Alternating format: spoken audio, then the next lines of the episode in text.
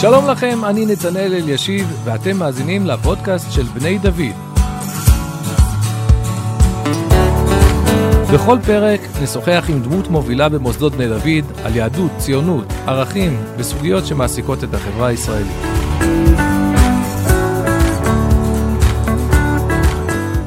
שלום הרב אלי, אתה קמת לפני כמה ימים משבעה על אביך, ארווין סדן, זיכרונו לברכה. אנחנו הכרנו אותו כאן במשך שנים. אה, כל מי שקשור למכינה בבני דוד, בין אם בטקסים של כל חנוכת אה, המבנים שהוא אה, תכנן כאן בבני דוד, ומי שגם מתגורר כאן, במיוחד בשנים האחרונות, שארווין היה מתגורר אצלכם, אז אנחנו ראינו אותו כחלק ממשפחתכם. ואני אפתח רק בקוריוז, אני פה הרבה שנים ורואה אתכם יחד אה, כל השנים האלו.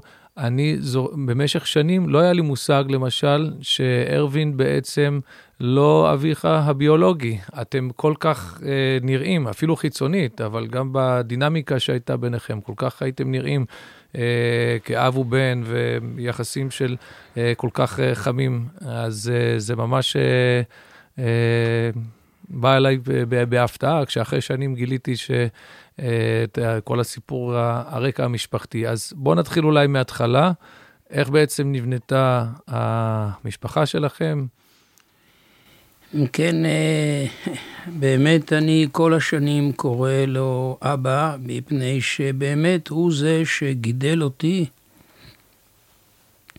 כל השנים. ואני תמיד ידעתי ותמיד הרגשתי שהוא אדם נפלא, מיוחד, שנתן לי הרבה ושאני מרגיש כלפיו הכרת אה, טובה גדולה. אה, אני אגיד ממש בקצרה, אימא שלי, זיכרונה לברכה, עברה את השואה בצורה מאוד אה, לא פשוטה. אמנם היא לא הייתה מחנה ריכוז, אבל הגרמנים תפסו אותה בניסיון להימלט עם תעודה מזויפת. מאיפה היא הייתה? היא הייתה ממונקאץ' בהונגריה, והסבא, אבא שלה, אה, שלח אותה ברכבת עם תעודה מזויפת כדי לברוח מהגטו של מונקאץ' להגיע לבודפשט, שבאותו זמן אם, אה, הוא אמר לה להסתתר. הגרמנים תפסו אותה ועינו אותה בעינויי תופת כדי לגלות מי נתן לה את התעודה, אבל כיוון שזה אבא שלה, היא בשום אופן לא רצתה אה, לגלות, ואחר כך זרקו אותה למחנה מעבר לאושוויץ, ומשם עוד עברו עליה הרבה ניסים עד שהגיעה לארץ ישראל. אה, גם ההגעה לארץ ישראל זה היה על ידי הברחה של גבולות, כי הרוסים רצו כבר לסגור את הגבול, וכשאני הייתי תינוק בן חצי שנה... זהו, אתה, אתה עוד נולדת שם, בחוץ לארץ. נולדתי בבודפשט. אימא שלי ואבא ביולוגי למדו שם רפואה, והם רצו להשלים את לימודי הרפואה בשפת האם שלהם. וכשהם ראו שהסובייטים סוגרים את הגבולות, הבינו שאם לא עכשיו ומתי, ועל ידי מבריחים אה, הברחנו את הגבול מהונגריה לאוסטריה, מאוסטריה לאיטליה, והגענו לארץ בעצם עם אחת האוניות הראשונות של צים אחרי מלחמת השחרור. יש לי עד היום תמונה באונייה מולדת. אה, גרנו בדיונות של חול במעברה של אוהלים, במקום שהיום קוראים לו כפר סבא, אבל אז זה היה מעברה אה, שבאוהל שלנו גרו שני משפחות. התנאים היו מאוד מאוד קשים. מהתקופה הזו כבר יש לך זיכרונות, אתה זוכר את, ה, את האוהל, את המעברה, את ה... אני, בעיקר אני חושב שאני חי מסיפורים שסיפרו לי על אותה תקופה. אני הייתי אז בן אה, שנה, שנתיים, שלוש, אני לא...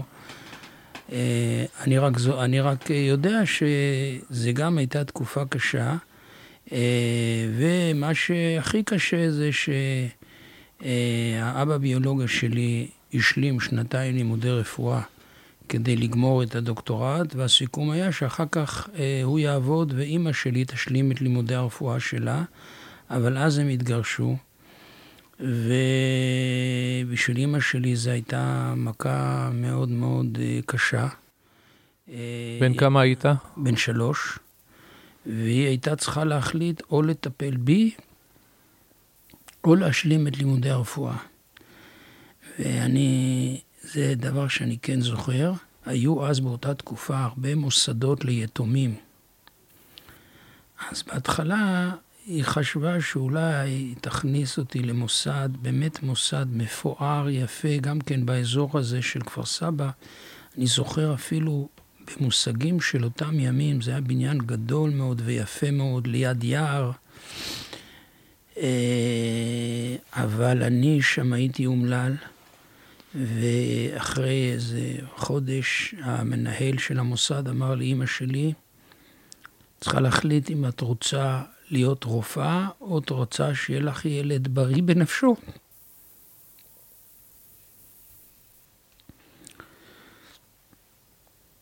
אז אימא שלי אה, עזבה את לימודי הרפואה, הלכה לטפל בי, וחמש שנים גרנו עם סבא וסבתא בתל אביב. וזה לא היה קל. אה, אני ראיתי כמה אימא שלי אה, סובלת מהמציאות. זה כל הקשיים האפשריים בבת אחת, זה גם בעצם הגירה, אמנם עלייה וכל זה, אבל בסוף זו, זה הגירה, וזה גם אחרי שעוברים שואה, וגם משבר משפחתי, וגם סיבוך מקצועי. זה כל התחומים בחיים שכולם מסובכים. נכון, וכנראה כתוצאה מזה אני פיתחתי אסתמה מאוד קשה. ואני זוכר שהייתה לוקחת אותי, אני לא כל כך מבין איך זה הולך, מצד אחד לגדרה. בקיץ לנשום אוויר יבש, מצד שני התקופות שהיינו נוסעים לצפת, כי הרופאים אז אמרו שהאוויר הטוב זה התרופה הכי נכונה לאסתמה. אני גם זוכר כילד שאמרתי לה, בלילות, הייתי בכל זאת ילד קטן, אמרתי לה, אימא'לה, אני לא מפחד, אני אשאר לבד, לכי, תחפשי לי אבא.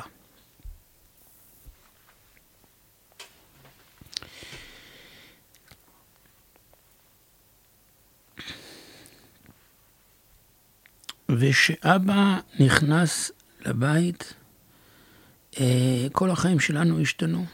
אה, אתה יודע, אגב, איך, איך זה קרה, איך הם בעצם הכירו, מי עשה את החיבור ביניהם? כן, הספרית של אימא שלי. אה, יש לנו בדיחה משפחתית, שספרית של אימא שלי כל הזמן דיברה עם אימא שיש לי בשבילך מישהו שכדאי לך להכיר אותו. אימא שלי באמת הייתה כבר מצב, אה, האמת היא שחיזרו עליה אחריה, היא הייתה אישה מאוד נאה ומאוד אה, מרשימה. חיזרו עליה אחריה כמה וכמה אנשים בעלי הון. והיא, ובעיקר גם אימא שלה, אמרה, אמרו לה, כסף זה מסוכן. ממש. היו, אני זוכר במיוחד, שני אנשים שמארצות הברית, שהיו באים והיו מביאים לי מתנות, וכאילו... וחוש הריח של אימא שלי אמר לה, אחרי שעברתי פעם אחת, לא, לא הכסף יבלבל אותי, וכשאמרו לה, תשמעי, זה גם כן ניצול שואה, אה, ארכיטקט אה, ארווין. לא, לא, כמה, טוב, טוב, טוב, אבל היא לא זה. יום אחד היא יושבת במספרה, כל השערות שלה עם גלגלות כאלה וזה, ופתאום אה, אבא נכנס. אז הספרית אומרת לה, את רואה, זה זה. וזה לא אירוע מתוכנן? שום דבר, הוא נכנס... מתוכנן לה... משמיים, לא, משמיים. לא מהארץ. אז הסיפור המשפחתי אומר שאימא קמה עם הגלגלות, ניגשה אליו ואמרה, יהודית הספרית אומרת שאנחנו צריכים להיפגש. הערב יש לך זמן? אז uh, הוא אמר, כן. ואחר כך, מכאן הכל המשיך. אז אתה בן שמונה... כמנהג, אגב, אותם ימים שהכל היה מאוד מאוד בצניעות, אז הסיפור ממשיך שכעבור כמה שבועות היא מתקשרת אליו ואומרת לו, תגיד לי, יש לך חליפה? אז הוא אומר, כן, יש לי חליפה אחת. הוא אומר, בסדר, מחר בבוקר אנחנו ברבנות להתחתן, תביא את החליפה, ואבא שלי כבר ידאג לכל השאר. וזהו, למחרת הלכו לרבנות, התחתנו ברבנות, בלעדיי. אבל כעבור כמה ימים החליטו לעשות איזה קבלת פנים לחברים. אז אבא שלי עד היום האחרון היה מספר בבדיחה. אתה היית שוטר בן שמונה, עמדת ברחוב ואמרת לאנשים, אתם מחפשים את החתונה של אבא ואימא שלי, הנה זה כאן, זה כאן. וזה היה ככה סיפור שהוא מאוד היה מצחיק אותו, שילד בן שמונה מכוון תנועה לחתונה של אבא ואימא. לפי כל מה שאתה מספר, אתה מאוד שמחת בעצם בהתפתחות הזאת, שזה לא תמיד מובן מאליו, כי לפעמים יש את ה... אני רוצה לומר לך, קודם כל, הנס הרפואי התחולל מיד. האסתמה הקשה שהייתה לי עברה תוך כמה, לא זוכר, חודשים, אבל עבר לי תוך שבועות או חודשים. אבל אני רוצה אה, לומר, היום שהתחלנו לאסוף כל מיני ניירות אה, לקראת השלושים של אבא, גיליתי שתי ניירות, שאני מוכרח להקריא אותם. כשאבא ואימא שלי התחתנו, כן, אה, אני כל הזמן קורא כמובן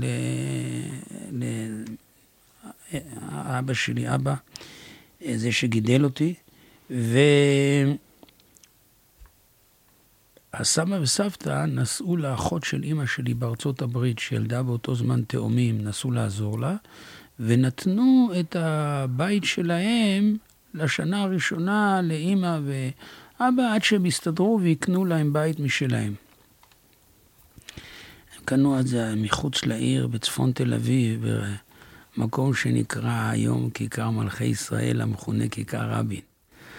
אבל בכל אופן... חוצות העיר דאז. כן. בכל אופן, אני מוצא מכתב שכתבתי לסבא שלי באותה תקופה. הייתי אז בן שמונה וחצי, אני מאוד הייתי קשור לסבא וסבתא, גם מפני שבעצם גדלתי שם חמש שנים, אבל גם הסבא, הוא היה הגיבור האמיתי שהציל את כל המשפחה בשואה, ועם סיפורי אלף לילה ולילה, וזה לא המקום להרחיב בזה, ואני גדלתי על הסיפורים האלה. כתבתי לו מכתב. אז uh, אני מספר לו על האבא שלי. Uh, אבא שלי הוא נהדר. פעם הוא הצחיק אותנו, אז אני ביקשתי אותו שיצחיק עוד פעם. ולכן כל פעם שיש לו הזדמנות להצחיק אותי, אז הוא מצחיק. בכלל, סבא, אני חושב שאם אספר על הכל כמה שהוא אדם נהדר, אז לא אגמור לעולם את המכתב. וזה זה, זה אחרי כמה זמן ש, ש, שהוא במשפחה? באיזה שנה? חצי שנה. מה אתה אומר? אחרי חצי שנה. אני אומר, הוא פתאום הכניס לנו לבית שמחה, עושר, בריאות, אה, צחוקים. אה, פשוט נולדנו מחדש. אתמול גיליתי עוד מכתב. גיליתי אה, דברים שאימא שלי, זיכרונה לברכה, אמרה, הדפיסה לעצמה, באירוע משפחתי חצי שנה לפני שנפטרה. כלומר, זה מתאריך שבת הגדול תש"ע. שבת הגדול היינו תמיד נפגשים כל חלקי המשפחה ביחד, ושם היא אמרה את הדברים האלה. אני, כמובן, זה מכתב ארוך, אבל אני רוצה להקריא מהמכתב הזה רק כמה שורות ששייכות למה שאנחנו מדברים. ברוך השם, החיים נתנו לי את אשר ביקשתי מהם, אני חי היום בשלום עם עצמי. היו לי התנסויות קשות בחיים, ואני לא מתכוונת רק לתקופת השואה, שכל בני דורי עברו, אני מדברת על מסע עלייה לארץ ישראל, על קשיי הקליטה, על השתלבות בעבודה, על משבר משפחתי, על אה, אובדן הקריירה שחלמתי לה וכדומה. ואני עמדתי בפי כמה החלטות חשובות ששינו את חיי. ההחלטה הראשונה הייתה לוותר על לימודי הרפואה ולטפל בילדי אני מאמינה כי החלטה זו חישלה את אלי ואותי לעבור ביחד, בקלות יחסית, את השינויים שנאלצנו לעבור בחיי המשפחה. היא כותבת על זה גם על עצמה, כמה שגם היה טוב לה, כמובן. ההחלטה השנייה הייתה לבחור בארווין כבן זוג ואב לילדי. הוא העניק לי ולילדי אהבה, שלווה ויציבות. אני אסירת תודה לו על הצורה בה השתלב במשפחה, הכבוד שהוא רכש להוריי היקרים עליהם השלום, הדרך שהוא היה כאח לכל אחת מאחיותיי, וממשיך באותה מידה להעניק אהבה ולחבק את כל הילדים שלהם עד היום, אותם, את בניי, את בנות זוגם, את נכדיהם. אה, אני מוכרח לומר, גם בסוף היא מוסיפה עוד משפט, היא מסיימת את ה... זה, היא אומרת, אני יודעת להעריך נכונה את המתנה שהאל נתן לי בן זוג כמו ארווין. איש יפה מבפנים ומבחוץ. איש אמת וחסד, איש יציב וחזק, ברוך השם, בגופו ובנפשו. המסירות שלו, ההבנה, האהבה, המשענת שהוא נתן לי ולבנינו, המשענת היציבה שמקורה מהמהות האמיתית של אישיותו, כל הנשמה תהלליה. תשמע, אין מילים יותר מדויקות בשביל להגדיר מי היה אבא ומה הוא נתן למשפחה. זה באמת, אבא היה חוזר עד יומו האחרון על המשפט שהוא מאוד אהב לומר אותו. בשבילי משפחה זה הערך העליון. והוא כל כך אהב את כולם, והוא כל כך היה נכון לכל דבר. אה, בש... רגע, סליחה, סליחה שאני עוצר בשלב זה, אה, אנחנו נגיע לזה מיד, אבל מה שחסר לנו בסיפור זה את הצד שלו. זאת אומרת, מה עבר עליו בכל השנים עד שהוא, אה, עד שהוא בעצם הצטרף אל, אל המשפחה. הוא כבר, עברו זה... עליו הרפתקאות רבות. נכון, זה גם כן סיפור מופלא, שלפני שאני מספר אותו, אני רוצה אה, לומר משפט שאני רואה בו אה, משהו מאוד אה, עקרוני, ולכן אני לא רוצה שהוא יעבור כפרט בתוך הסיפור, אלא אני רוצה להציב זרקור. הרבה פעמים שמעתי אותו אומר, היו לי בחיים שתי נשים שהערצתי. האחת זאת אימא שלי, שנספתה ביום הראשון שהם נכנסו לאושוויץ, והשנייה זאת אשתי. ואני מספר את זה מפני שאני בהחלט, מהסיפורים שלו, אני יודע לייחס לאימא שלו דברים אה, שהם ללא ספק אה, קשורים לאישיות שלו. הוא נולד וגדל בברצ'יסלבה, למשפחה... ש... לט... לטובת אלה שלא... איפה, איפה זה? איפה זה? ברטיסלבה זה פרשבורג, זה עירו של החתם סופר בסלובקיה, בצ'ך סלובקיה. כן. אז זה בעצם לא רחוק כל כך מ... הונגריה. זה גם הגזרה הזו של הונגריה. נכון, ושל... נכון, נכון. בכלל, אומרים תמיד שבהונגריה היהודים היו מאוד קיצוניים, או בדתיותם או בחילוניותם. זה, זה... איפה הם היו ב, ב, בסיפור הזה?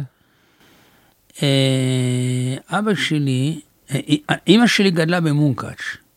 מונקאץ' סיפור ידוע, אדמו"ר ממונקאץ' היה אנטי-ציוני, אנטי-ציוני, מנהיג, המנהיג. כן, מנחת אליעזר, והוא היה תלמיד חכם עצום, ו... איך הקדוש ברוך הוא מגלגל את הדברים, זה סיפור ידוע, הוא לא קשור כל כך אליי, אבל הוא כן קשור. אה, הוא היה אנטי-ציוני, וסבא שלי, זיכרונו לברכה, שהתעקש לשלוח את הבנות שלו לגימנסיה העברית במונקאץ', נזרק מהחצר, למרות שהוא היה נכד של הגאון הצדיק מסטרופקוב, והוא היה נחשב לאחד מהמיוחוסים שם, בחצר, אה, בגלל הרקע החסידי שלו, והגאון הזה, היה לו בת יחידה. והוא נורא רצה שיהיה לה גם כן בעל תלמיד חכם. התחיל להסתובב. הוא פגש בפולין ילד בן 11, גאון, שהוא פשוט לא יכול להבין איך ילד בן 11 יודע כל כך הרבה תורה. והוא רצה במקום לעשות נוי עם אבא שלו, אבא שלו לא הסכים. אמר, לפני גיל 15 אני לא עושה דברים כאלה. 15. כן, 15 זה כבר היה כן. הגיל המבוגר. בקיצור, אה, הוא חזר לשם אחרי ארבע שנים, והם עשו תנועים. ובגיל 18, האיש הזה בא למונקאץ', התחתן עם הבת של האדמו"ר, ומהר מאוד הוא היה שמיכה והזה, וכעבור כמה שנים האדמו"ר נפטר, והוא נהיה אדמו"ר ממונקאץ'. דאקה, רחמנא ליצלן, הוא היה ציוני, בהשקפתו. רק שאז פרצה השואה, והוא עסק הרבה בהצלת יהודי אה, הונגריה, החתן הזה, וסבא שלי מאוד היה את סבא שלי לקח אותי אליו. הוא אחר כך בר, הצליח לברוח יום אחד לפני שהגרמנים פלשו לבודפשט. הם ידעו שהוא עוסק בהצלת יהודים, נסו לתפוס אותו, ויום אחד לפני כן הוא הצליח לברוח. והוא היה אחר כך הרב של חולון. מה, מה שמו? שם, שם המשפחה? הרב רבינוביץ'. קצת גלשנו אמנם, אבל שיהיה לנו כן, את כל, כן, כל הסיפור. הרב... אבל בעצם אלמלא השואה, יכול להיות שכל חסידות מונקאץ' הייתה מקבלת תפנית בעקבות ה... אני לא יודע, כי הייתה התנגדות כמובן, כולם חונכו בצורה מסוימת, אני לא יודע מה היה קורה אילו. ואבא, באיזה סוג אבא, משפחה הוא גדל? אבא גדל במשפחה... אה, בברשבורג, שהיא הייתה משפחה, אומר, אבא שלי הלך לבית כנסת האורתודוקסי, היה שם בית כנסת רפורמי, בית כנסת ניאולוגי ובית כנסת אורתודוקסי. האבא הלך לבית, לבית אה, כנסת אורתודוקסי, שלח אותו ללמוד בבית ספר אורתודוקסי, אבל זה לא היה האורתודוקסיה שאנחנו מכירים. אני מבין שהם היו מה שהיום אנחנו קוראים מסורתיים, או מסורתיים mm-hmm. פלוס. מודרניים עם זיקה דתית. כן, משהו כזה, הם שמרו שבת, ואוכל כשר כמובן, אבל אה, לא בדיוק גדלו על התורה. בכל אופן, כשאבא, כשאבא שלי היה בן 15, התחילה מלחמה, ומיד נסגרו כל בתי הספר של היהודים, כן, כמו, אתם יודעים, צ'כסלובקיה זה המקום הראשון שנכבש על ידי הגרמנים, ואז, כבר אז הוא ידע שזה מה שהוא רוצה, הוא ביקש, הקהילה עשתה כל מיני חוגים לילדים. ש... מה זה זה מה שהוא רוצה? מה? אז הוא ביקש לעשות קורס שרטוט. אה. הוא אמר לי, מגיל 12 הוא רצה להיות אדריכל. והוא עשה מטעם הקהילה קורס שרטוט, וכיוון שזה היה מלחמה והרבה אנשים אה, הלכו לצבא וזה, אז מאוד שמחו והכניסו אותו למשרד ממשלתי כסרטט בגיל מאוד צעיר. על ידי הדבר הזה הוא הציל את כל המשפחה שלו, מפני שב-41 אה, הגרמנים עשו פינוי ראשון של יהודי ברצ'יסלבה לאושוויץ. והמשפחה של אבא שלי לא נשלחה לאושוויץ, בגלל שלאבא שלי הייתה עבודה חיונית. חשובה, עבודה חיונית. הוא אפילו סיפר לי שהוא היה פטור מלשאת את הטלאי הצהוב בגלל זה, אבל הוא סיפר, הוא קיבל במשרד בדיוק 50% שכר מזה שישב לידו. כי ההוא היה גוי והוא היה יהודי, אז תגיד תודה שאנחנו מעסיקים אותך, אבל תסתפק בחצי מהשכר. כל המשפחה הייתה בגטו. אה, המשפחה שלו זה היה אבא ואימא, ארבע בנים ובת. כלומר, הורים וחמישה ילדים. הוא היה עובד בבוקר במשרה הממשלתית, ובערב היה לוקח הביתה עבודות פרטיות של ארכיטקטים, לשרטט להם. הוא היה מאוד מאוד מדויק. הכתב שלו היה ממש מעשה אומנות. כל מה שהוא שרטט וכתב, זה כמו היה יצירת אומנות. ומגיל 12, כבר אה, בעל חנות לקח אותו כדי שיהיה מנהל חשבונות שלו, מפני שהוא כל כך שמח על הכתיבה שלו ועל הסדר ועל הדייקנות. ו... והוא סיפר הרבה פעמים זה שאני זוכה לאריכות ימים, זה בגלל החלב אם. ואימא סיפרה לי שאני ינקתי עד גיל מאוד מאוחר, לפחות שנה וחצי, ובשלב שהייתי זוחל על הרצפה, כבר הייתי מגיע ליד, הרגליים שלה ומטפס, והיא הייתה עוד עדיין מניקה אותי, ובגלל זה אני חזק. טוב, אני לא יודע איך זה עומד במבחן של הידע הרפואי, אבל יש משהו נוסף שהוא סיפר.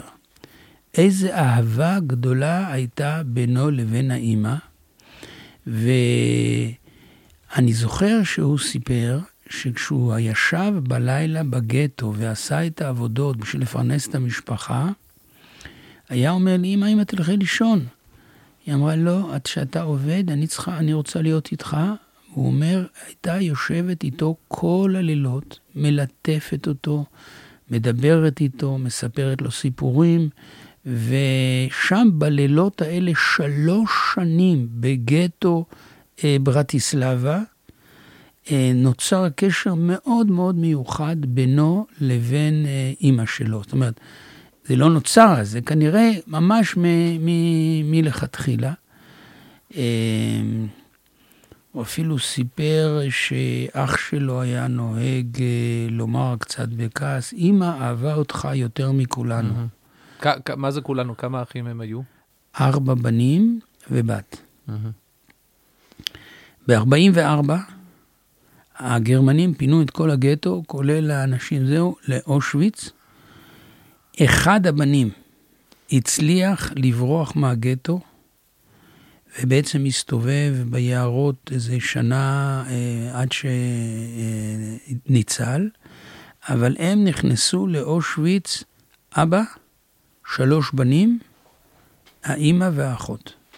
האימא והאחות נרצחו ביום הראשון שנכנסו לאושוויץ, ואבא שהיה אז כבר בן 55, ושלושת הילדים, אבא שלי אז היה בן 20, אה, אה, אבא אולי מ-52, אני כבר לא זוכר במדויק, אה, הם נכנסו לאושוויץ. ואבא שלי היה מספר שכשהם הגיעו, אז הסבא, סבא יהודה, ידע, כולם ידעו כבר מה זה אושוויץ, אז כשמנגלה שאל אותו בן כמה אתה, אז הוא אמר 45. הוא באמת היה מוצק כזה, אז מנגל האמין לו, ושאל אותו מה המקצוע שלך, אז הוא אמר אני אינסטלטור. הוא אף פעם לא נגע בדברים האלה, אבל הוא ידע מה צריך להגיד כדי לעבור, והוא נכנס. ואחרי שהם מצאו את עצמם, שלושתם, ארבעתם ביחד, הם החליטו, הם כל הזמן ביחד אוחזים אחד את השני. ובאמת הוא אומר, אני לא יודע אם יש עוד סיפור כזה, של אבא ושלושה ילדים שנכנסים לאושוויץ ואחרי חצי שנה אה, יוצאים. יוצאים כולם בחיים. אבל אה, הוא סיפר עוד שני סיפורים מאוד מעניינים על האבא. אה, האחד, שבסופו של דבר, בגלל הסלקציה שהגרמנים עשו כל הזמן, אז אה, מהר מאוד אה, צמחו להם, צמח להם זקן, ולאבא היה זקן לבן, אז uh, פינו אותו ל... למקום של uh, סלקציה לגזים. הם חזרו לבלוק, אבא שלי uh, רץ לקאפו הפולני ובכה והתחנן, תציל את אבא שלי, אתה חייב להציל את אבא שלי. אומר, אני לא יודע למה הצלחתי, אבל הקאפו ככה הסתכל, יכול להיות שאבא שלי היה דומה אולי לאבא שלו או משהו, זה היה קאפו פולני, הלך החוצה, הלך לבלוק שאיפה שריכזו את האנשים והחזיר את אבא שלי. מה זה, זה סיפור נדיר מאוד. כן, לא רק שזה סיפור נדיר. אחר כך הסבא סיפר שזה היה כבר התור שבו נכנסו למשרפות. אבל אה, הגרמנים שם אצלם הכל מסודר, אז אה, יש שם תור, וצריך להירשם, כל אחד, לפני שרוצחים אותו, צריך לרשום כמובן את השם ואת הפרטים שלו וזה. הוא עמד שם בתור, ופתאום הוא רואה את הקאפו דרך החלון מסמן למשהו, למישהו בפנים, ואז הוציאו אותו מהתור ולקחו אותו אחורנית. הם הבינו מיד אה, שזה בגלל הזקן, אבל היה שם באמת מישהו שהיה מספר, אבל הוא רצה על כל תספורת פרוסת לחם. שלושת האחים עשו תורנות. כל יום אח אחר ויתר על הפרוסת לחם שלו, כדי שיגלחו את סבא כל יום. וככה סבא עמד למבחן, המסדרים האלה מגולח למשעי, וזה נתן לו את האפשרות עוד לשרוד. היה עוד אירוע נוסף, שלקחו צעירים אה, לעבוד בגלייביץ, זה מחנה ליד אושוויץ, אה, ונבחרו כל שלושת הבנים, ואבא לא. אבל האבא ראה את זה, אז כאשר התחילו אנשים לצאת מהשורה, ללכת למקום של גלייביץ, הוא חיכה שזה שסימן את האנשים יעבור, ואז הוא כאילו הצטרף מאחורה לאנשים שעוברים, ואף אחד לא שם לב שבעצם אף אחד לא בחר בו. כן. אבל הוא ככה הצטרף, וכך הם היו ביחד. גם בצעדת המוות הם היו ביחד, הייתה מאוד מאוד קשה. דווקא אומר, אבא היה חזק, הלך לבד, אבל האח הצעיר לא היה מסוגל ללכת, כל הזמן ביקש שישאירו אותו. אז אבא שלי והאח הגדול ביחד החזיקו את האח הקטן ביד והלכו איתו ימים שלמים. אה, בסופו של דבר הם איבדו את הכוחות וגם האח כבר לא היה מוכן עוד להמשיך ככה, אז הם החליטו בלילה, כשעושים חניה, להיכנס עמוק לתוך היער. וכולם הזהירו אותם שהגרמנים, כשהם עוזבים, הם מסתובבים ומי שנשאר הם יורים בו והורגים אותו, אל תישארו כי יהרגו אתכם, אבל הם החליטו שאם הם ילכו בין כך אז הם לא יחזיקו מעמד. הם הסתתרו בתוך היער ובאותו יום באמת הגרמנים לא הבחינו בהם. והגרמנים המשיכו ללכת וככה הם ניצלו. אז הם מוצאים את עצמם בסוף השואה, ארבעה אנשים, האמא נהרגה, גם האחות, נכון? כן. אבל הם ארבעתם בחיים, תלושים. אני רוצה אבל לומר עוד אחת, סיפור שאבא שלי היה מספר, שני סיפורים. סיפור אחד היה מספר שכשהם הלכו בצעדת המוות, הלך לפניהם אדם שהיה נראה כבר מוזלמן, מתנודנד, וזה היה ברור שכל רגע הולך ליפול, אבל היה לו בתיק מאחורה כיכר לחם שלמה. אז היו שם מאחורה אנשים שאמרו, בואו ניקח את הכיכר, כי אם הוא ייפול וימות, הגרמנים יהרגו אותו, ייקחו את הלחם, וככה לפחות אנחנו ננצל. ואבא שלי אמר, לא לקח, אתה לא יודע מה יהיה, לא לוקחים. והוא אומר, באמת, באותו לילה, אה, כנראה הוא אכל הרבה לחם, לא יודע, למחרת הוא ראה אותו, הולך כבר יותר חזק, ואומר, כנראה שהלחם הזה הציל אותו. והוא אומר, כל כך אני שמח שלא לא, לא, לא נתנו להתפתות לקחת את זה, כי הלחם הזה הציל את החיים שלו. מה זה שמירה על צלם אלוקים בתנאים הקשים האלה? עוד דבר שאבא סיפר לי ממש, אני תכף רוצה להגיד משהו, אבל סיפר שכאשר הם נכנסו לאושוויץ, אז אה, הם היו במשך איזה יום אחד בבלוק, כמה ימים בבלוק, עד שמחליטים לאן להפנות אותם לעבודה. היה שם ילד בן 13, שלוש פעמים ביום היה נעמד במרכז הבלוק, היה יודע את כל התפילה בעל פה, והיה בקול רם אומר את, את התפילה, וכל הבלוק היה אומר יחד איתו. זה מעניין, אבא לא סיפר על השואה, עד גיל 80, כל הסיפורים האלה... זה בדיוק מה שעמדתי לשאול אותך. אתה מתאר ממש לפרטי פרטים, ואנחנו יודעים שבדרך כלל הניצולים לא רצו לדבר, והרבה פעמים עד יומם האחרון בעצם סחרו את פיהם. אז אתה אומר שבגיל 80 הוא נפתח והתחיל... הסיפור, הפעם, באמת אבא לא דיבר אף פעם על השואה. שאלתם אותו? אה, אני מוכרח לומר, לא שאלנו אותו, מפני שפשוט זה לא היה נושא. אבא היה כל כך שמח, עשה הרבה דברים, היינו משפחה מאושרת. השואה לא הייתה בבית, היא פשוט לא הייתה שם. אז בתור ילדים, לא היה לנו את הסקרנות המחקרית, אתה מבין?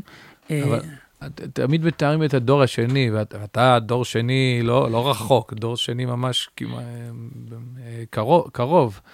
כדור של ההדחקה ושל הטראומה, ושכל הזמן הצל הזה מרחף מעל החיים, וזה לא מה, ש... ממש, לא מה שאתם חוויתם? ממש לא. אני מוכרח לספר שני סיפורים כדי שיבין מי זה אבא שלי. בגיל 80 עשינו לו יום הולדת, והחלטנו פעם ראשונה אה, לעשות גם חגיגה של אה, 60 שנה לשחרורו מאושוויץ. אה, עכשיו אני נזכר שעשר שנים לפני כן, אה, אח שלי היה באותה תקופה דובר של ראש הממשלה ביבי נתניהו, והיה אז מצעד החיים עם ראש הממשלה כ-50 שנה לשחרור מאושוויץ, ואז אבא שלי פעם ראשונה הסכים ללכת איתם. כל השנים הוא לא, הוא, לא, הוא לא הסכים לחזור לשם ולא הסכים לזה. פעם אחת והיחידה שהוא כן הלך לשם, זה יחד עם ראש ממשלת ישראל, שהבן שלו היה עכשיו הדובר שלו, אה, למצעד החיים. אבל שוב, הסיפורים לא היו בבית. ביום הולדת 80, אמרתי לו ככה, אבא, אם מישהו באושוויץ היה בא ומספר לך, אתה יודע, בעוד 60 שנה אתה תשב בעיר תל אביבית גדולה, במדינה יהודית גדולה, וסביבך עשרות ילדים, נכדים ונינים. היית מאמין לו? אז הוא אמר לי, בטח. אמרתי לו, אבא, אתה מגזים. זו לא התשובה שציפית לקבל, למרות שאתה מכיר אותו. נכון. הרי הוא אמור להגיד, לא, מה פתאום? הוא אמר, כן. אז אמרתי, אז הוא אומר לי, אבל אני אוכיח לך.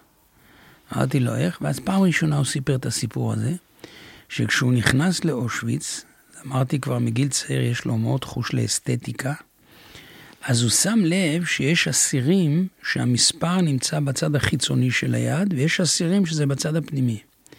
יש אסירים שהמספר אומר, כתוב ככה בגדול, ויש אסירים שהמספר כתוב בקטן. הוא אומר, אני חשבתי לעצמי, כשאני אצא מכאן, אני צריך להיות יפה. אז ביום שסימנו להם את המספרים, הוא אומר, הוא התבונן איפה מסמנים את המספר בצד הפנימי קטן.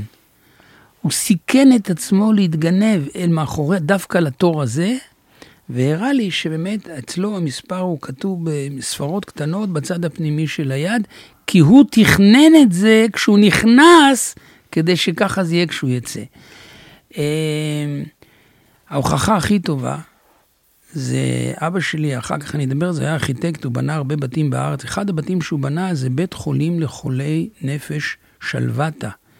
שם שוב באזור כפר סבא, הוד השרון, משהו כזה.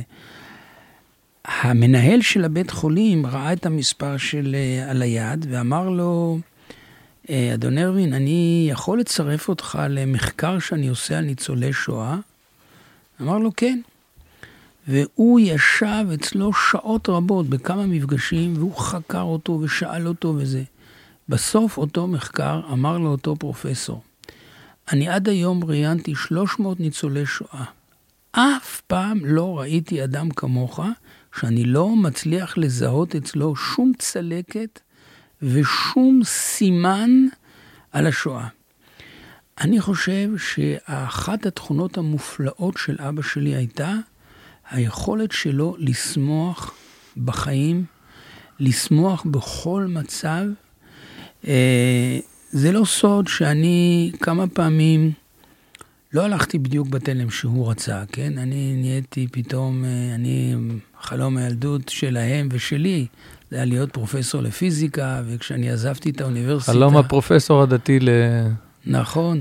כשאני עזבתי את האוניברסיטה והלכתי ללמוד מרכז הרב, בצייטלין מישהו הספיד אותי, הציונות הדתית הפסידה פרופסור עם כיפה. כן. זה הפסד מאוד גדול. ו... וגם ההורים שלי לא היו מאושרים מההחלטה הזאת, אבל זה משהו שאבא אה, הכניס לבית שלנו, זה להיות יכול לשמוח במה שיש, אבל לא להעמיד פנים ולהדחיק. הוא באמת היה חי עם שלמות פנימית ויציבות יוצאת דופן, היה לו חוש הומור.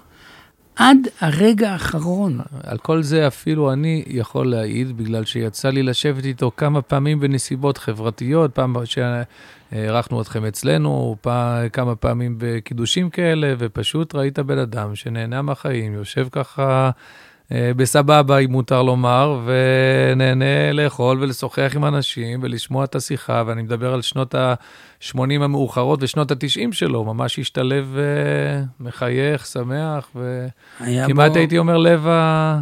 לב האירוע כל פעם. היה בא לקידושי שבת מבורכים של דובי אודסר, עם כל הזה, וגם שמח לאכול את הדגים, וגם uh, את ה... לשמוע את הדיונים. ולשמוע את הדיונים. היה קורא לזה פרלמנט, יש פה פרלמנט. היה חוש הומור. כן, זה, זה משהו שנתן לבית שלנו המון המון יציבות, ביטחון עצמי, שמחת חיים. אה, כמו שאימא שלי כותבת בצורה מופלאה, כך גם אני כל הזמן מרגיש שאני חייב לאבא שלי הרבה דברים שעשיתי בחיים, גם אם, נגיד, מבחינת התוכן, זה לא בדיוק מה שהוא למד בברצ'יסלבה ובזהו. אגב, אבא שלי גם היה מספר בגאווה שכשהוא הגיע לארץ, היה, הגיע הנה כבר בגיל 25, הוא התחיל את לימודי הארכיטקטורה בברצ'יסלבה אחרי השואה, אבל שוב, גם כן, בגלל הרוסים הוא ברח ועלה לארץ לפני שהוא סיים את הלימודים. הרבה חברים שלו כבר לא רצו לשרת בצבא בגיל הזה, ואצל ניצולי שואה לא דקדקו כל כך. בצה"ל. בצה"ל. כן. ו... אבל הוא דווקא התעקש שהוא רוצה לשרת בצבא, הוא ביקש מהצבא דחיית שירות של שעתיים כדי שיגמור את הלימודים, והוא גמר את לימודי הארכיטקטורה בטכניון, הוא היה מאוד גאה שיש לו את אחת התעודות הראשונות של הטכניון, עם מרצים שחלק דיברו גרמנית וחלק דיברו עברית, ועדיין זה זה, ו... ואז הוא הולך לשרת בצבא. במקצוע, בתור, כן. uh, הוא בעצם ארכיטקט. מבנים צבאיים. כן, כן. ואחר כך, אה, אה, בעצם, אה, אני חושב שאני שמעתי ממך שהוא בנה מבני ציבור רבים, לא רק בנייה פרטית, פרויקטים לאומיים. ו... נכון. הוא מאוד מאוד אהב דווקא להתעסק במבני ציבור מסוגים שונים. והוא זכה להיות שותף, ב... קודם כל יש בארץ עשרות רבות של ספריות ציבוריות, של מועדונים, של uh, מבנים ציבוריים שהוא תכנן אותם, מקריית שמונה ועד uh, באר שבע. והיו שתי פרקים בחיים שממש הביאו אותו לפסגה. אחד זה שהוא יצ... אה, תעשייה יצרה קשר איתו. והוא תכנן הרבה מאוד מבנים של uh, תעשייה אווירית. מה זה, הוא היה תמיד פרטי, לבד עובד, או שהוא היה חלק מפירמה? לא, לא, לא, לא. היה לו משרד פרטי, הוא היה פרילנסר, אבל עשו אצלו הזמנות, הזמינו אצלו את התכנון, ואהבו אותו מאוד, למה? כי הוא באמת היה יקה במובן החיובי של המילה. מה שהוא אמר היה בזמן, היה מדויק. הוא היה...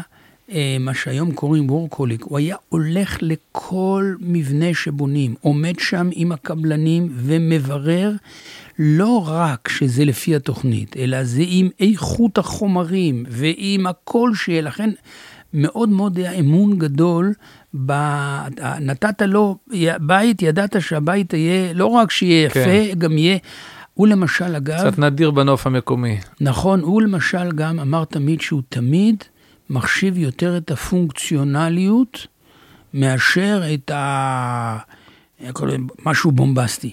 הוא... זה, אה, זה גם יפה, בגלל שהארכיטקט, ארכיטקט הוא הרי מתהדר בדרך כלל במראה החיצוני, ופחות אמור להיות אכפת לו, אבל אתה אומר שהוא, אה, סדר עדיפויות אצלו היה לפי הצרכים של ה... כשאתה אומר ארכיטקט ככה, אז אני מתקן אותך, זה תלוי איזה ארכיטקט. אבא שלי הוא שייך, מה שנקרא, לליגה הזאת של אנשים שהם באמת, באמת, באמת רוצים לעשות עבודה אמיתית וטובה. והוא היה יושב שעות עם הלקוח, גם כשהוא בנה פה את המבנים של הישיבה. היה חוקר אותנו על כל דבר קטן, איך לעשות את זה בצורה הכי פונקציונלית.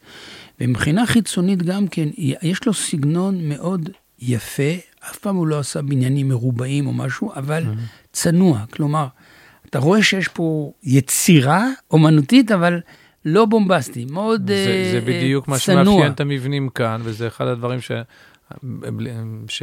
שיצא לי כמה פעמים להגיד לאנשים שזה מאוד יפה, שהמבנים פה מצד אחד, כן, יש בהם את היופי ואת הנוי שראוי לבניין חדש, ובטח בניין שלומדים באותו רע, אבל בלי, לפעמים אתה, לפעמים אתה רואה הגזמה שהיא קצת, לא, לא מתאים, לא יודע. נכון, לא, נכון. לא, לא מתאים לבית מדרש. גם, אני אומר שוב, הוא... פה זה הכל תמיד גם פונקציונלי וגם יפה, יפה ובטעם טוב.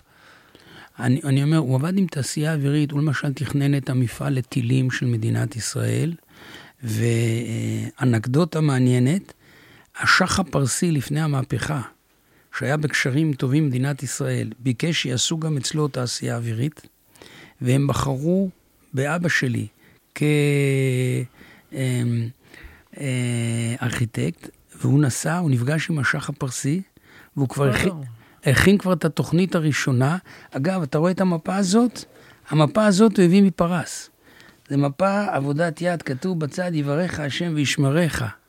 מה אתה אה, אומר? אני כן. יודע שיש מבנה, אני פעם ראיתי צילום של מבנה שעל הגג שלו רואים מגן דוד, ואומרים שזה באמת, כשאדריכלים ישראלים תכננו את זה, אה, אני חושב חברת סולל בונה הייתה בונה שם הרבה. אז הוא, הוא ממש נפגש אישית עם השח הפרסי, ולא הספיק לבנות את ה...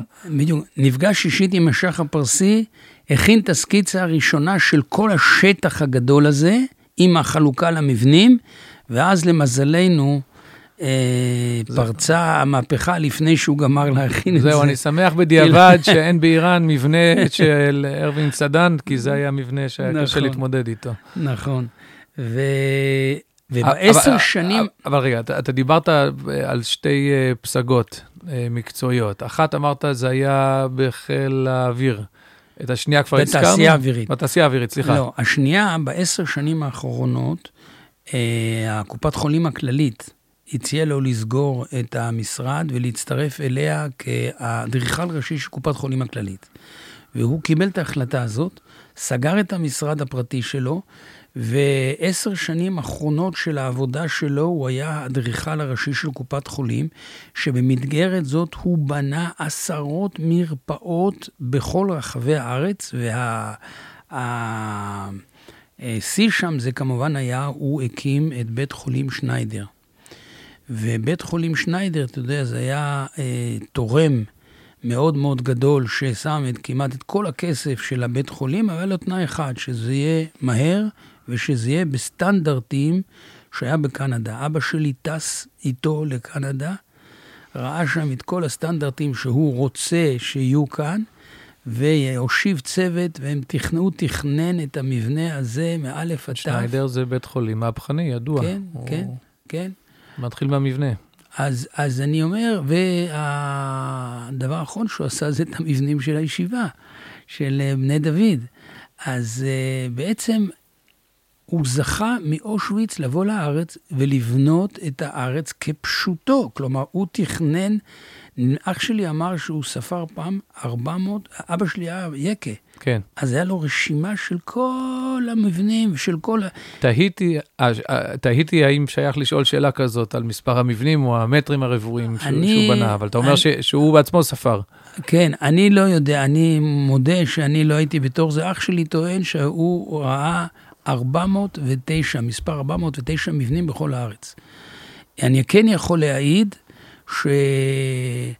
שכשהלכנו לפנות את המחסן של הדירה של אבא שלי בתל אביב, היו שם מאות גלילים של תוכניות, כי כמו אדם מסודר, הוא שמר שם אה, הרבה דברים. אני אה, נזכר תוך כדי זה, אנחנו השבוע נחגוג את יום ירושלים, אז בדיוק בשבת שרנו את השיר ברחובנו הצר, שמסופר שם שבירושלים ישנו איש לגמרי לא צעיר, שבנה הרבה בתים בכל פינות העיר. אז אפשר, אה, זה מין משפט, לאו דווקא לירושלים, אלא על כל ארץ ישראל. זה משפט שמתאר את אבא. נכון. אתה יודע שאבא נפטר אה, ממש ימים ספורים לפני יום העצמאות. ובשבוע של פרשת אה, החמות קדושים. ובאמת, אה, אני מרגיש שכשמסתכלים על האישיות שלו מאחורה, כאילו במבט אה, יותר שלם, אתה יודע, כשאתה חי, אז אתה חי, אבל זה מופלא איך אדם שבאמת עבר דברים קשים, מצליח לבנות חיים כל כך שלמים באופן פנימי, כל כך אה, מלא עשייה, מלא תוכן, אה, מסתובב בכל הארץ, ותמיד, אתה יודע, לא הייתה לו שמחה מתפרצת, הוא היה אדם מאופק, היה מה שנקרא סגנון אירופאי, כן? כן. אבל שמחה יציבה, קבועה. וכשאימא שלי לפעמים הייתה אומרת, די, זה, זה, אמר, קרטיקה, תעזבי את השטויות האלה. זה כל הלחצים. והיה מאוד מאוד מוזר. הדוגמה הכי, הכי גדולה זה השנים האחרונות שלו כאן. רגע, יש לי ברשותך, אנחנו בעצם לקראת סוף הזמן שלנו, אז אנחנו נסיים בשנים האחרונות שלו כאן. יש לי רק שאלה אחת לפני כן, ברשותך. בסוף, אתה תיארת את המעבר שלך ככה לעולם התורה, ו, אה, ואיך הוא, הוא התייחס לזה, אבל כל המפעל פה בבני דוד, שהוא בעצם אה, בנה פה, את, כמה הוא היה, אה, אני אפילו אשאל את זה ככה, כמה הוא בעצם הבין את המהות של המפעל הזה, את מה, ש, מה שאתה בונה כאן, את ה... תראה, אבא שלי הייתה לו תכונה מאוד מאוד מעניינת. הוא כל הזמן היה מקשיב. הוא יחסית, הוא היה, קודם כל הוא היה מפנה תמיד את הבמה לאימא שלי. אימא שלי תמיד הייתה מדברת, היא הייתה המנכ"לית של המשפחת הנמן, והייתה מנהלת הכוננים, והוא היה מאוד מאוד אוהב, מה שנקרא, להכין את הכל מסביב, ולקנות ולעשות וזה וזה, אבל שהיא לתת לה את הפונט. תהיה הדברנית. אבל... אה, אבל הוא הבין שיש פה חיבור בין תורה כן. לצה"ל, שיוצאים מפה אנשים שהם אה, אני, אני רוצה, תורמים. אני רוצה לומר ככה, שוב, ברקע הרוחני שלו, לא היה לו שום סיכוי להבין במובן ההזדהות של התוכן. כשאני בסוף השמינית, פעם ראשונה אמרתי שאני לפני הצבא רוצה ללכת ארבעה חודשים לישיבת אה, כן, כרם די אבנה, אבא שלי ואמא שלי, שניהם היו בזעזוע פנימי. אתה תישרף, אתה אדם קיצוני, אתה תהיה חרדי, אתה לא תרצה לאכול אצלנו בבית, הם פשוט הם, הם, הם אמרו שהם לא ידברו איתי אם אני אלך לשם. אבל אני מאחל לכולם יחסים טובים כל כך עם ההורים, לאורך כל השנים, כמו שהיה לי, למרות שאני מודה, לא היה להם את הכלים להבין. כשאני נסעתי עם אביטל שרנסקי בעולם, אז פעם אבא ואמא שלי לקחו אותי למה שנקרא לשיחת, אה, תגיד, אתה אדם רציני, אתה כבר מבוגר, יש לך איזה חמישה ילדים, על מה אתה מבזבז? אתה באמת חושב שאתה יכול לנצח את רוסיה? כאילו, זה לא, זה, זה לא שייך לעולם הרוחני. אה, כשאנחנו, כשאני לקחתי את ורדינה עם תינוק בן חצי שנה ותינוק בן שנה וחצי לבונקר בקונטרה, כשהמלחמה עם סוריה עדיין לא נפסקה, כן? כשהקמנו את אה, קשת ברמת הגולן, הם אמרו לה, חשבנו שאתה אדם אחראי, אבל אני רואה שאתה אדם לא אחראי. כלומר, הם לא יכולים להבין את זה, אבל גרנו בקשת שנתיים וחצי, כל הזמן הם היו באים לבקר, ואז נסיעה מתל אביב לרמת הגולן, זה סיפור של איזה שעתיים וחצי, שלוש, כשתמיד הבגאז' מלא אוכל ומתנות ובגדים לילדים והכול. זאת אומרת, מה ש... ואותו דבר כאן, כשאנחנו הגענו הנה, המקום היה שומם, היו פה 12 משפחות, היה צריך להגיע פה בדרך עפר. ההורים שלי התעלפו, מה, אני השתגעתי עם תשעה ילדים שהתינוקת הקטנה בת שלושה שבועות, אני נוסע לאמצע ה-nowhere, מקום שבכלל אין אליו כביש, צריך להגיע בדרכי עפר משילה.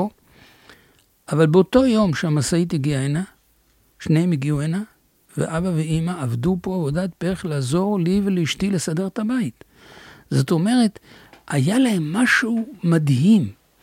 הם אה, לא היו במקום שהם יכולים להבין את העולם הרוחני שלי, אבל הם כיבדו אותי מאוד, הם אהבו אותי מאוד, ותמיד, תמיד הם עזרו לי לעשות מה שאני רוצה. זה סגולה שהדור שלנו צריך ללמוד, אולי זה קשור לזה חינוך אירופאי, אני לא יודע, אבל זה, זה תכונה מדהימה. ברשותך עוד משהו קטן לפני שנתייחס לשנים האחרונות, אה, לסיום. אני פשוט אה, נזכרתי תוך כדי שקראתי כמה תיאורים של, ה... של הילדים שלכם, שמתארים את המעמד המיוחד של להתקבל למשפחה, שצריך להביא את החתן או את הכלה אה, לסבא ארווין וסבתא קוטי, ושהוא היה מאוד בלבביות מקבל אותם, ו... הייתה איזו ארוחה שהיו יוצאים, נכון? היה איזה נוהל כזה? זה לא היה נוהל במובן, ה... נקרא לזה, הטכני, אבל זה היה ברור שצריך את החיוך של סבא וסבתא, ואני, אשתי תמיד מספרת שה... שפעם ראשונה הבאתי אותה הביתה, גם כן, מה שנקרא, הצבתי עובדות, לא שיתפתי אותם בכל התהליכים. אה, באהבה בלתי רגילה קיבלו אותה, ואני מוכרח לומר שההערצה הגדולה שאימא שלי ואבא שלי נתנו לאימא שלי, כל הש... לאשתי, כן, כל השנים, אה, זה היה אחד מהאבני יסוד של הבית שלנו.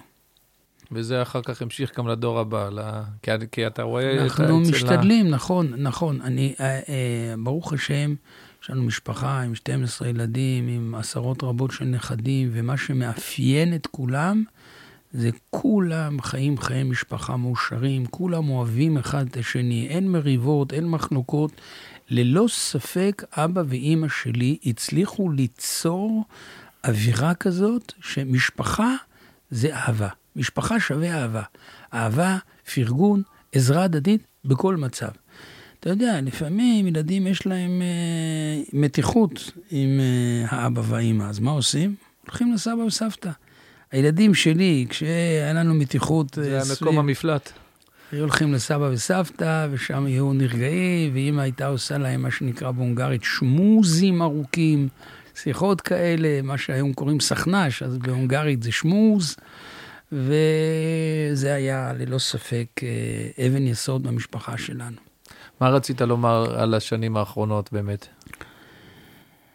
אני רציתי להגיד שהיה לאבא שלי אה, סגולה מיוחדת, אבל אני אתחיל עם משהו שבעיניי הוא נס, או יותר נכון, רואים מה זה השגחה אלוקית. אבא שלי לפני, אה, אחרי שאימא נפטרה לפני תשע שנים, הוא המשיך לגור בבית כמה שנים לבד. אחר כך הוא עבר קצת, היה בבית של אה, אה, אח שלי, אבל יום אחד הוא נפל ושבר חוליה בחוט השדרה הצווארי, ועבר ניתוח מאוד מאוד קשה שנועד להציל אותו משיתוק, כי זה היה חוט שדרה, וזה ממש תפסו ברגע האחרון אה, להציל אותו משיתוק אה, כולל. אה, אבל אחרי הניתוח הזה, שהיה ניתוח קשה ועבר שיקום בהר הצופים, הוא עדיין היה במצב סיעודי מאוד לא פשוט. לא יכול כמובן ללכת, לא יכול לעשות, לא יכול היה לאכול לבד, היה צריך להאכיל אותו, היה מצב סיעודי וגם uh, קוגניטיבי קשה, זה, הוא עבר טראומה מאוד מאוד קשה. יום אחד אני מגיע לבקר יחד עם אשתי את אבא בשיקום בהר הצופים, ואז מנהל השיקום לוקח אותנו ואומר, תראו, אין לנו יותר מה לעשות עם אבא, וקחו אותו הביתה. אם לא, אז אולי נעביר אותו ויתחיל לכל מיני אופציות אחרות. אנחנו היינו מופתעים. איך אני, מה אני יכול בעלי, מרחק שעה מבית חולים, לטפל ביהודי בן 90, אז אבא שלי היה בן 90, אה, שהוא סיעודי לגמרי. אבל ידעתי שכל אופציה אחרת, אה, אבא שלי לא ישמח בה. אגב, שלוש שנים לפני כן, אח שלי לקח את אבא לאחד מהדיורים המוגנים היפים יותר בירושלים, אחוזת רובינשטיין. אתה ארכיטקט, אז רצה משהו יפה. אז אבא נכנס לשם, מסתכל ואומר, תגיד לי, מה אני אעשה עם כל הזקנים האלה? מה אני אעשה עם כל הזקנים האלה? אני לא יכול, אני לא אוהב זקנים. שחלקם היו צעירים ממנו. אני אוהב צעירים, הוא ישב הכי זקן. כן. בקיצור, אני ידעתי שכל אופציה אחרת היא תהיה פחות טובה עליו. אמרתי לאשתי, לוקחים אותו הביתה. הכנסנו אותו לרכב שלנו, והתחלנו לנסוע לאלי. ובדרך אני מתחיל אה, לדבר עם אשתי, תראה, אנחנו צריכים להתארגן, שעה רחוק מבית חולים, אדם בכל זאת במצב לא פשוט וסיעודי לגמרי. כמו שאנחנו עושים בדרך כלל, עברנו בדרך הביתה בחיזמה, וסתם, אה, תוך כדי דיבור עצרתי ואמרתי שתי מקומות לכיוון עלי, עלו שני אנשים, המשכנו ללכת. אנחנו נוסעים, אז אחת הטרמפיסטיות שומעת אותי מדבר עם אשתי, אז היא אומרת, אתם מחפשים עובד זר? אמרתי לה, כן, אני, אני רק לא יודע איפה מחפש אותו, מעולם לא היה לי התמודדות עם דבר כזה. היא אומרת, האימא של בעלי עוסקת בזה, אני מיד מסדרת לכם. טלפנה, תיק, באותו ערב היה לנו עובד זר. ואז... ניסים ונפלאות של משפחת סדן. ואז, הטרמפיסט השני שבמקרה עלה, אומר, שלום, קוראים לי דוקטור דמיטרי, אני גר בעלי שתי רחובות לידכם, ואני רופא גריאטר שמתעסק בזקנים בבית החולים הצרפתי, שנתיים הוא גר פה, ואנחנו אפילו לא הכרנו אותו. בקיצור, הגענו הביתה, ויש לנו את כל מה שאבא צריך. מצד אחד עובד זר שיעזור לנו, מצד שני רופא שכל הזמן בא ועזר לנו כאן. הדבר הכי מדהים, איך שאבא התאושש, הוא אה, קודם כל שיקם את עצמו מבחינה פיזיולוגית, והתחיל ללכת ולכתוב ולצייר ומילא מנדלות ושחק משחקים וקרא ספרים, פשוט שיקם את עצמו גם קוגניטיבית וגם פיזיולוגית. אבל הכי יפה, הוא היה שמח כאן. הוא כל פעם, זה דבר מדהים, הוא גם יודע לבטא את זה. כל שבוע, פעם או פעמיים, היה תופס לי ככה את היד, והוא היה אומר, אלי, אתה יודע כמה שטוב לי פה, כמה שאני שמח פה איתכם. אנחנו נורא פחדנו שיהיה ככזה, בית מלא, נכדים, נינים, צועקים, הופכים, לא, וזה... לא, לא ימצא את עצמו. לא ימצא את עצמו. להפך, הוא כל כך שמח. אם איזה יומיים אף אחד לא בא הביתה, אז uh, הוא היה אומר, למה כל כך שקט פה? מה זה? אמרתי לו, אבא, מה, יש קצת שקט בבית. לא, לא, תגיד לילדים שיבואו, אני אוהב שהם פה. כל ילד שהיה נכנס, הוא היה משחק איתו, היה מדבר איתו, היה מחבק אותו. פשוט זה לא יאומן איך אדם מ-90 עד 96 יודע לשמוח. בסוף הוא היה חלקיס יהודי, בסוף הוא לא היה אדם בריא, בסוף הוא, זה לא היה פשוט. הוא שמח במה שיש, וזה אני מרגיש אה, תכונה מאוד מאוד גדולה וחשובה, שאני מעריץ.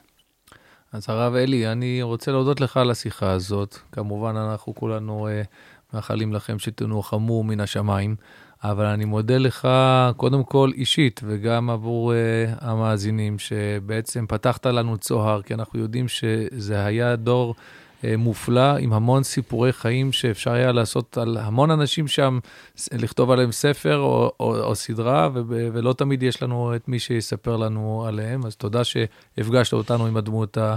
המופלאה של אה, אביך, אה, זיכרונו לברכה, ואני בטוח שכל מי שמאזין לשיחה הזאת ייקח משהו, אם אה, משהו מהגבורה, או מהשמחה, או מהיציבות, או מהיחס המשפחתי, לכולנו יש הרבה, הרבה מה לקחת מה, אני, מהדמות אני הזאת. אני רוצה להוסיף דבר אחד למה שאמרת. הגינות וישרות נדירה. אה, כשסבא שלי, זיכרונו לברכה, שגם כן נערך ימים עד גיל 96, כבר הגיע לגיל קצת מבוגר והרגיש שהוא כבר לא יכול לנהל את העניינים, הוא קרא לאבא שלי והפקיד בידיו את כל הנכסים ואת כל הזה. אז הוא אומר לו, למה דווקא אני? יש פה עורך דין ויש פה כל מיני אה, חתנים, ארבעה חתנים היום. הוא אמר לו, עליך אני סומך. כולם אנשים טובים, כולם אנשים, הוא סומך, אבל אבא שלי היה מיוחד בישרות והגינות יוצאת דופן. המילה יקה, שאנחנו רגילים אותה בסדר, אצלו זה שאי אפשר לעקם שום דבר מבחינה מוסרית. מבחינה מוסרית היה ישר כמו סרגל בכל נושא שבעולם. אימא שלי הייתה מתבדחת שתמיד הוא משלם למס הכנסה ולכל הזה, תמיד יותר ממה שמגיע, אבל קודם כל שהוא יהיה בסדר.